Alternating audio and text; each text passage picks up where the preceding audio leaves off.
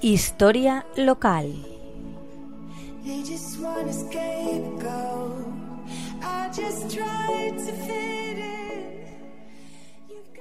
Buenas tardes, amigas y amigos de la Tegua Radio. Hoy vamos a hablar de castillos. Visitar castillos es una pasión como otra cualquiera y afortunadamente en España tenemos gran cantidad de ellos.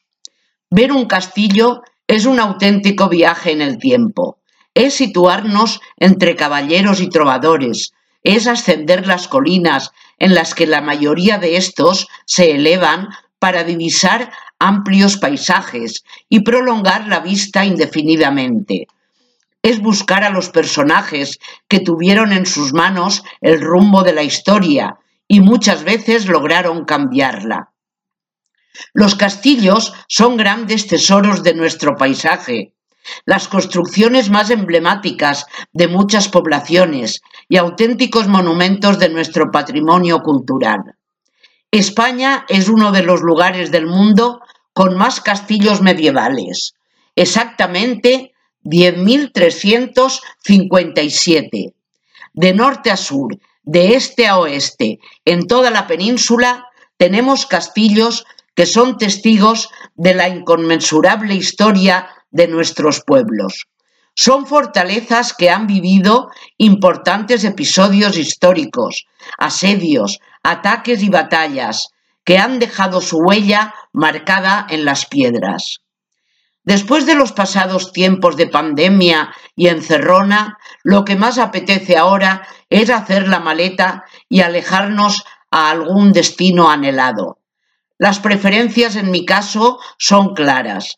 Algún lugar histórico, a ser posible pueblos medievales con su castillo y seguir los pasos de algún personaje importante de nuestra historia.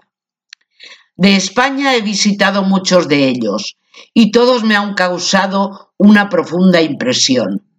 Recuerdo ahora mismo alguno de los que tengo más vistos, y son aquellos por los que paso frecuentemente porque se encuentran entre Monóvar y Madrid. Ya sabéis que es un camino que transito muy a menudo. Desde Monóvar los más cercanos son los de Elda, muy poco conservado, y el de Petrel, que sí se reconstruyó en 1982 y es conjunto histórico-artístico desde 1983. Le siguen el de Sax, que se alza sobre un escarpado peñasco alargado que domina gran parte del valle del Vinalopó. A continuación, muy cerca de la carretera, el de la Atalaya o Villena. Siguen el de Almansa, ya en la comunidad castellano-manchega. La impresionante mole del castillo de Chinchilla de Monte Aragón.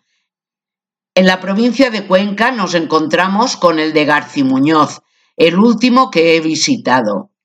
Por último, ya en la comunidad de Madrid se pueden ver las ruinas del castillo de Fuentidueña del Tajo.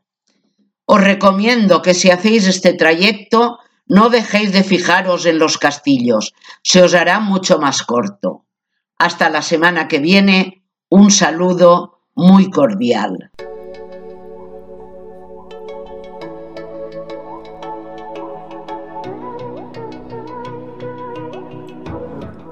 Historia local. I just